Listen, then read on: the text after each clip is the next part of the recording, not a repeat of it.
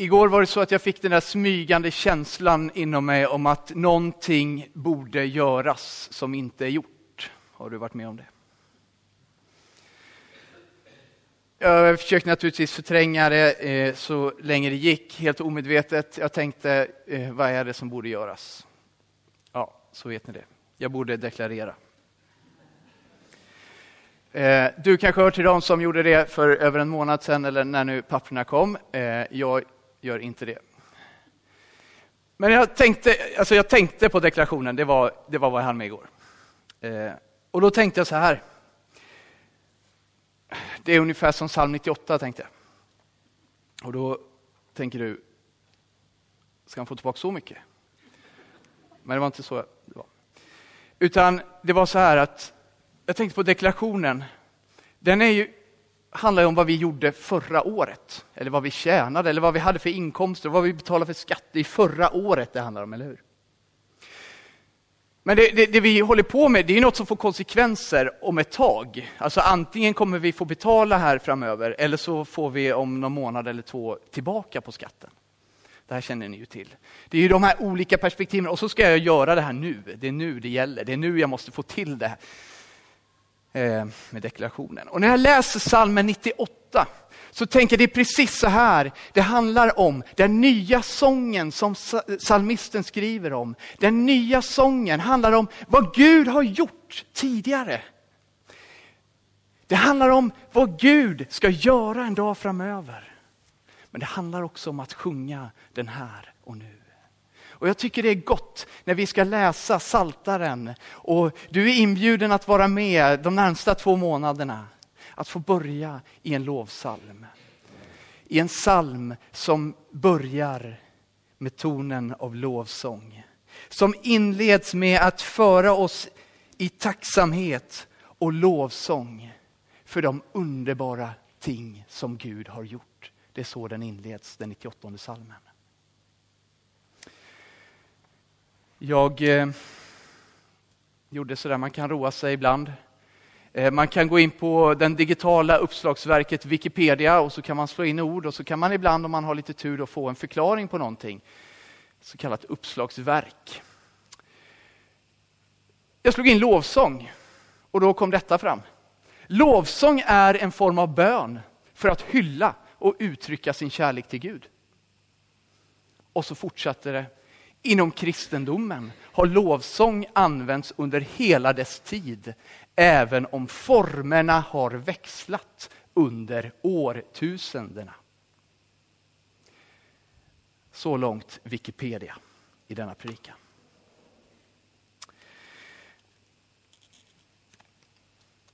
Den här salmen 98. Nu, nu, nu är ni väldigt förvirrade hoppas jag. För om ni tittar så ser ni, nu är det tredje versionen av denna psalm som uppenbarar sig. Lisbeth läste två, hon läste en, en eh, väldigt så kallad levande bibelöversättning. Eh, hon läste ifrån den nya översättningen av folkbibeln och nu dyker Bibel 2000 upp. Så håll till godo. Sjung till Herrens ära, sjung en ny sång, ty han har gjort underbara ting. Alltså, den här salmen, om man fortsätter sen läsa, den handlar inte kanske om en specifik händelse i Israels historia. Vi kan inte hitta liksom, det var då det hände, det var då Gud gjorde någonting. Men vi kan se att Gud gör saker med sitt folk. Gud gör någonting. Genom sin makt och genom sin kraft så har Gud räddat, Gud har befriat ifrån, sina, ifrån deras fiender sitt folk och genom hans godhet och trofasthet, som inte går att ta miste på, så skriver psalmisten till sina läsare, släpp nu loss den nya sången i era liv. Låt sången blomma ut. Sjung den, sjung en ny sång, sjung den om och om igen. Därför att Gud gör hela tiden nya saker. Gud gör hela tiden någonting nytt som vi har anledning att tacka tacka honom för. Här börjar salmen 98 i tacksamhet för det Gud har gjort och det han gör gång på gång med sitt folk. Och det här är naturligtvis en del av kärnan i all lovsång. Nämligen vårat gensvar på det som Gud har gjort. Vårat gensvar, mitt gensvar på det Gud gör. Där börjar lovsången, där finns kärnan. Och när vi förstår, när vi ser nya saker av Gud, när vi får nya erfarenheter, när vi får nya eh, upptäckter, när våra ögon liksom öppnas för någonting nytt om hur stor Gud är, om hans kärlek, när vi på nytt drabbas, då, då föds den nya sången igen. Lite som Bosse sa, ibland behöver den väckas upp, sången. Den finns där. Men när Gud gör någonting nytt, då är det som att då blommar den ut igen. Då får den nytt bränsle. Kanske tänker vi tillbaks på påskens budskap. För mig var det så när jag blev en troende kristen, eh, 19 års ålder. Det var påskens budskap att Jesus hade dött för mig. Alltså det var den poletten som ramlade ner, att jag kunde ta emot det på ett personligt sätt. Jag hade hört det massor med gånger, jag visste ju om det. Men någonstans så ramlade en polett ner först vid 19 års ålder. Och när jag tog emot, när jag förstod detta, då hände någonting nytt. Då ville jag sjunga till Gud på ett nytt sätt. Och det var så, jag minns så väl detta, det var så på den konferensen vi var på utanför, eller i Borås. Jag var med några kompisar i 20-årsåldern. Och jag stod där och jag hade tagit emot Jesus på ett nytt sätt som jag aldrig hade gjort förut. Och vet ni vad jag ville göra? Jag ville göra som jag såg de andra göra. Eller många i alla fall gjorde.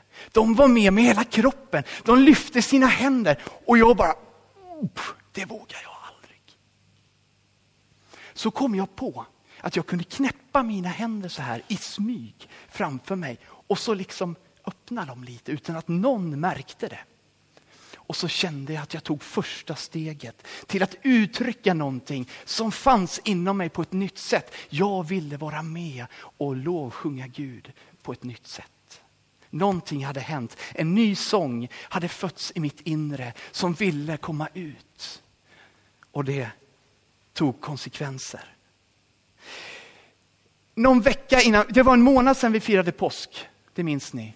Någon vecka innan själva påskfirandet, när Jesus kommer till Jerusalem, då händer den här tillställningen, eller vad vi ska kalla det, när Jesus rider in på en åsna, som vi känner från palmsöndagen eller första adventstexterna. Det är lätt att tänka sig in i den dagen när jag tänker på detta med lovsången. Därför att i, Eh, i den folkskara människor som den dagen börjar lovsjunga och hylla Jesus, börjar liksom tacka honom och, och ropa ut Hosianna, Davids son. Bland dessa människor fanns det naturligtvis många av dem som hade varit med Jesus under åren. Många av dem som hade sett Jesus göra saker Kanske i deras egna liv. Jag tänker att Petrus var där. Vad hade inte Jesus gjort som han hade sett med sina egna ögon? Som han hade fått uppleva i sin egen kropp. Jag tänker det fanns mycket bränsle för, i hans liv att sjunga lovsång till Jesus den dagen. Kanske var där några av de blinda som Jesus hade gett synen tillbaka. Kanske var där några som hade varit förlamade, som hade fått möjligheten att åter använda sin kropp på ett nytt sätt. Jag tänker det måste varit lätt för dem att vara med och stämma in i lovsången, i hyllningen av Jesus. Kanske var Maria från Magdala, äktenskapsbryterskan, Sakaios, you name it. De, de var ju där. Det var ju människor som hade sett Jesus göra saker. Som hade fått vara med om, som hade förstått lite grann av vem Jesus var och därmed också vem Gud, deras far, är.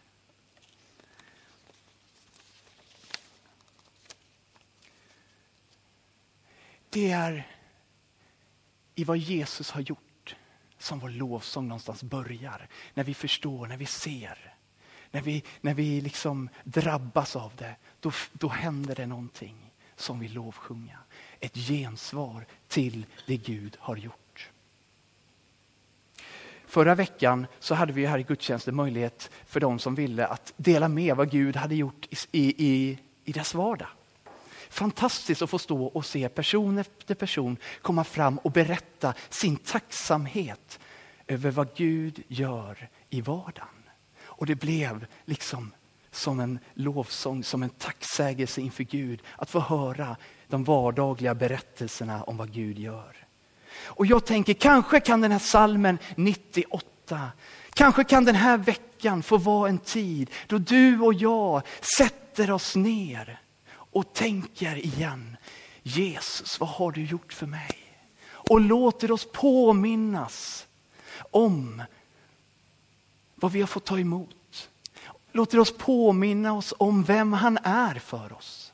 Låter oss drabbas på nytt av honom. Att den här veckan får bli ett tillfälle då du kanske skriver ner. Då du kanske berättar för någon annan du har i din närhet. Vad har Gud gjort i ditt liv?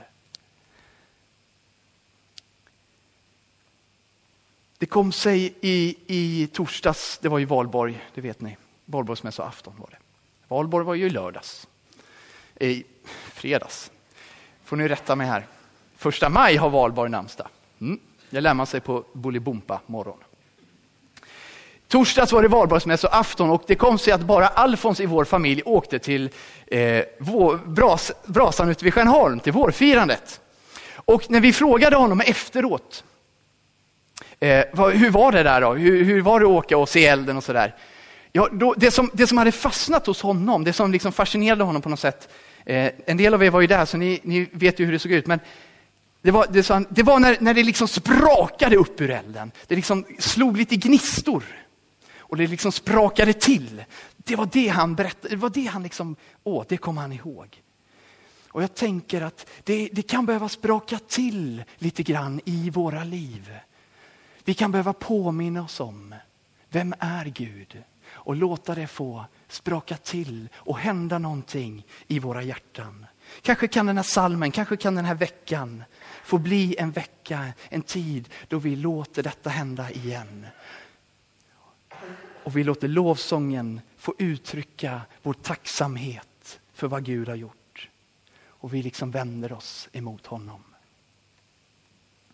Den här eh, salmen 98, om man fortsätter att läsa, jag tänker inte läsa igenom hela nu, men om man fortsätter att läsa texten så märker man att den nu vänder perspektiv lite grann. Alltså den börjar så smått blicka framåt. Förra veckan så var temat i gudstjänsten Jesus möter oss igen. Alltså budskapet om att Jesus ska komma tillbaka. Och Det är ju så i gamla testamentet att det finns texter som talar om eh, Messias, den kommande Messias, alltså Jesus, eh, som en ödmjuk tjänare, som en som ska lida och dö för vår skull. Det finns sådana texter som talar om Messias och Jesus på det sättet. Och så finns det andra texter som talar om Messias och Jesus på ett annat sätt. Där han istället är en kung som kommer med makt och med härlighet och med kraft. Och hur går det ihop? Jo, just därför att för 2000 år sedan kom Jesus som den ödmjuke, som den som skulle dö och lida för vår skull. Men vi väntar fortfarande på att han ska komma som kungen, på att han ska komma och upprätta sitt rike till fullo. Om detta börjar salmen tala om i psalm 68. Nu handlar det om kungen som ska komma.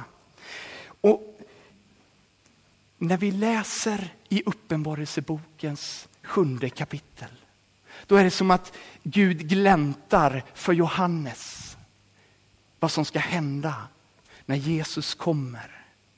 Och Johannes, han ser en skara människor som han inte kan räkna. Han ser människor från alla folkslag och stammar, från alla länder och alla språk. Detta får Johannes se inför kungen, inför Jesus.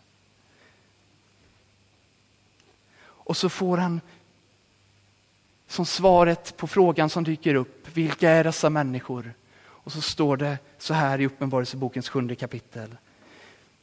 Det är de som kommer Förlåt. Det är de som kommer ur det stora lidandet. De har tvättat sina kläder och gjort dem rena, gjort dem vita i Lammets blod. De ska inte längre hungra och inte längre törsta. Varken sol eller någon annan hetta ska träffa dem. Lammet som står mitt för tronen ska vara deras herde och leda dem fram till livets vattenkällor. Och Gud ska torka alla tårar från deras ögon. Detta gläntar Gud för Johannes. En syn om en skara med människor av alla dess folk och alla dess lag. Människor som kommer ur gråten, ur lidandet, ur hungersnöden. Människor som kommer och som får dricka av någonting nytt och friskt. Som får dricka ur livets källa. Människor som kommer och där Jesus själv går fram och liksom torkar varje tår från kinderna som har runnit under detta liv.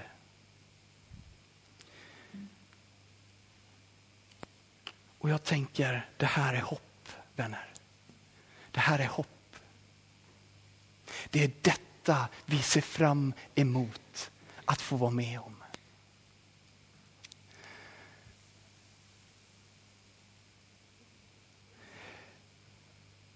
Låt oss fyllas av detta hopp och låt vår lovsång födas ur detta hopp. En dag är vi där. En dag kommer han som kung med sitt rike. Det var folk av alla dess lag. Det var folk från många länder, från alla länder. Vet du, lovsången och tillbedjan känner inga gränser. Är det inte erfarenheten, du som delar den med mig, som har sjungit lovsång med människor från ett annat språk? Jag har fått sjunga på vitryska, och rumänska, och estniska, arabiska. Jag har sjungit på lite olika språk. Och jag har inte förstått orden i sångerna, men jag kan säga att jag har stått tillsammans med dem inför Guds ansikte i tillbedjan. Därför lovsången känner inga gränser. Lovsången är inte begränsad. Vi är tillsammans inför en Gud i lovsången och vi är tillsammans som ett folk. Precis som vi ska manifestera i vår nattvard om en stund. Vi delar ett bröd, det finns en Jesus. Vi tror på samma Gud. Vi kommer inför Jesus tillsammans. Och jag tänker det är kanske inte är så konstigt att några av de älskade sångerna de senaste åren eller årtiondet har varit sånger som sjunger om just det här. Sjung lovsång alla länder. Ropa till Gud över hela vår jord stiger en hyllning, en hymn utan ord. Sånger som just uttrycker detta. Det är en sång, det är, det är någonting som sker, som är gränslöst. Som sker bland alla människor. Och när Jesus kommer så kommer han inte bara för att upprätta oss människor. Ni vet, det är gott att tänka på att ingen sjukdom ska finnas mer, ingen huvudvärk, ingen skoskav. Det är gott att tänka på att ingen avundsjuka, ingen misstro, inga svek ska finnas mer. Gud ska upprätta oss människor och upprätta våra relationer. Det är fantastiskt, men det är inte nog med det, utan Gud ska också upprätta sin skapelse. Det som är sönder i själva skapelsen, i naturen, i det som var någonting vackert och strålande från begynnelsen. Också det ska liksom uppgraderas till kanske nya dimensioner som vi inte har erfarenhet av. Och därför Därför är vattnet med. Därför är ju bergen med och jublar. Därför är ju floderna med i lovsången. De längtar ju också och de ser ju också fram emot den dagen då de ska befrias. Då skapelsen ska bli ny. Och därför skriver också psalmisten om detta. Hela skapelsen är liksom med och vi får förenas. Och precis som Lisbeth sa, många av oss känner ju precis nu i den här tiden liksom att skapelsen är ju med och går igång i lovsången till sin skapare. Alltså det händer ju så mycket och det är lätt att associera till att också skapelsen längtar. Och så tänker jag så här, lyssna. Så tänker jag så här idag att kanske gör det någonting med dig och mig. När vi tillsammans kommer och sjunger lovsång. När vi kommer tillsammans och firar gudstjänst. Kanske händer någonting viktigt med dig och mig om den här bilden ifrån Uppenbarelseboken får vara tydlig framför våra ögon när vi sjunger lovsången till Gud.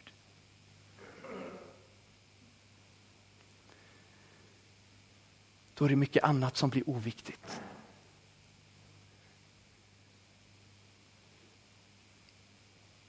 Vi förebildar vad vår Herre, eller vår Herres ankomst, när vi kan stå tillsammans och lovsjunga, så förebildar vi och liksom blir en del av det som också ska ske i framtiden.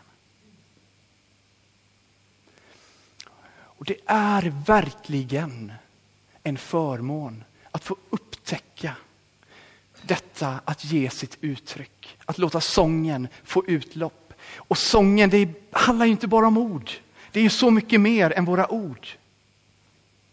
Men att låta detta som händer i vårt hjärta av tacksamhet och glädje komma ut, det är en gåva att upptäcka, att få låta det hända i sitt liv, att få vara med om det. När jag var liten, jag vet inte hur det var i din generation, men när jag var liten, gick sådär på eh, slutet på lågstadiet, början på mellanstadiet, och man skulle fråga chans på varandra. Alltså, då, då var det någon som satt i ett hörn och skrev en lapp. Får min kompis det och det chans på dig? Ja. Och så skickades ju den här lappen fram till den bänk där man satt. Och nu, ja, det hände inte så ofta mig, men jag såg ju de där lapparna till de andra och så på de här lapparna så fanns det ju två rutor, ja eller nej.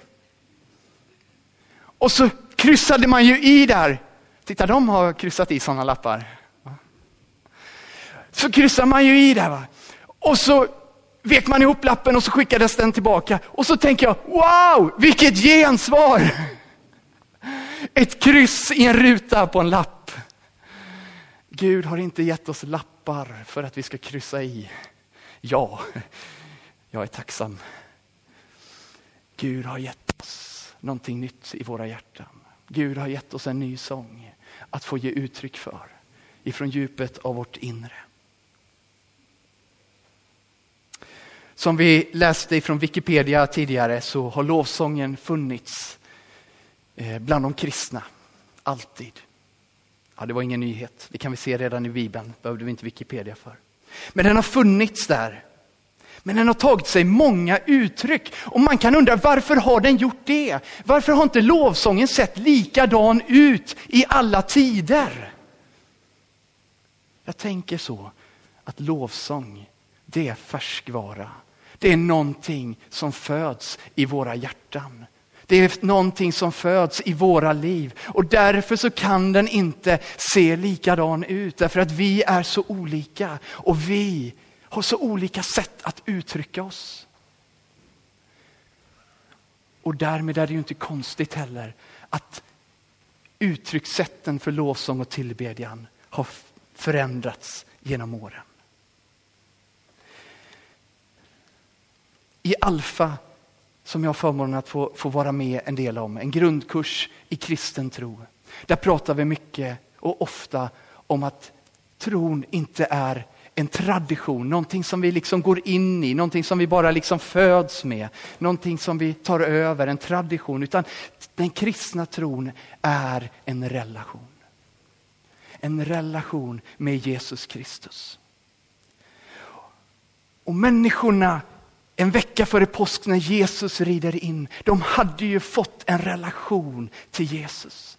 De hade ju relationen till honom och därför också all glädje i att sjunga till honom, att upphöja honom. De hade relationen och de var engagerade och det var ju ingen stillsam historia den där dagen, eller hur? De, de engagerade sig med allt de kunde komma på. Alltså de sprang och hoppade och viftade. De tog palmblad, det hittade de, det kunde de vifta med. De tog sina kläder och kastade ut. De insåg vi kan hylla Jesus med allt vi är och allt vi har. Och jag tänker, vad har du och jag som vi kan hylla Jesus med? Det finns så mycket som vi kan använda. Jag minns första gången när jag fick låna en sån där flagga som Kerstin har använt i vår gudstjänst idag. Jag tyckte det var lite knepigt innan, men tro det eller ej. Jag tyckte det var fantastiskt att få ett ytterligare uttryck i min lovsång och min tillbedjan. Vad har du? Vad har du som du kan uttrycka din lovsång med och genom. I Kolosserbrevet så läste ju Maria för oss. Jag tror vi har det bibelordet. Sjung Guds lov i era hjärtan. Låt allt vad ni gör i ord eller handling ske i Herren Jesu namn. Tacka Gud, Fadern, genom honom. Lovsång har aldrig varit och kommer i, aldrig att bli, i dess rätta bemärkelse, en musikstil. Lovsång, lovsång, det är vårt hjärtas sång. Vårt hjärtas gensvar till Gud. Till den Gud som älskar mig med evig kärlek. Det är mitt hjärtas gensvar på den kärleken. Lovsång handlar, ursäkta mig Bosse, inte kanske ens i första hand om sången. Även om sången är ett gott uttryckssätt. Utan lovsången, det är mycket mer vår livshållning gentemot vad Gud har gjort för dig och mig. Vår livshållning, hela vårt liv. Så du kan ta med frågorna ifrån predikan om du vill. Du kan ta med salmen 98. Så kan du läsa under veckan och så kan du fundera på vad har Gud gjort för dig? Vad har Gud visat i ditt liv? Som du är tacksam för och som du kan ge kanske en ny respons till Jesus för. Vad har du för bild framför dig när du sjunger lovsång? Vad är det du ser? Har du tagit in bilden? Ifrån Uppenbarelseboken om hur det ska bli den dagen när Jesus kommer som kung. Och till sist, hur lovsjunger du Gud genom ditt liv? Amen.